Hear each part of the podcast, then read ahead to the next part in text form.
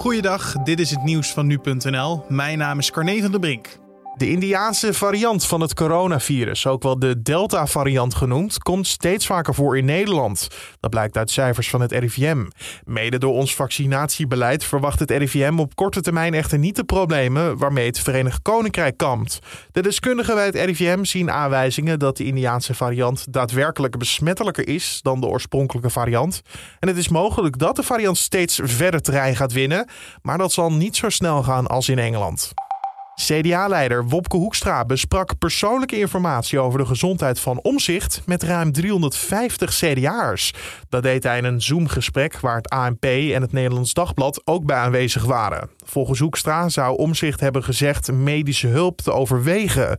Volgens de tijdelijke voorzitter is de veelbesproken memo van Omzicht gelekt door iemand uit zijn eigen kring. Dat zou Omzicht dit weekend hebben verteld aan de voorzitter. Omzicht zegde zijn lidmaatschap op nadat zijn memo op straat kwam te liggen. Daarin stond dat hij in de partij structureel tegengewerkt werd.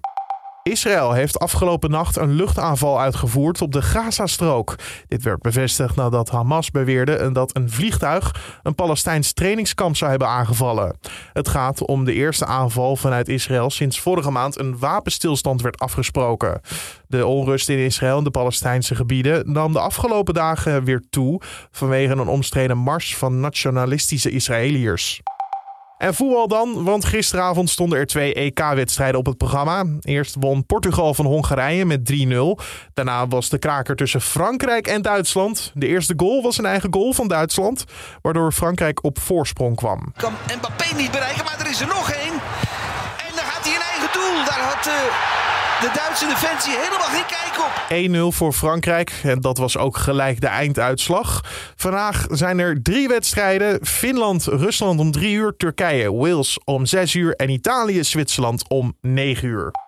En nog even over die wedstrijd Frankrijk-Duitsland. Want bij een mislukte protestactie van een Greenpeace-parachutist zijn meerdere toeschouwers gewond geraakt. De parachutist raakte kabels die aan het dak van het stadion in München hingen. Daarbij viel volgens UEFA puin op het veld en in het publiek. Op beelden is bijvoorbeeld te zien hoe de Franse bondscoach moest wegduiken voor materiaal dat neerkwam in de duck-out.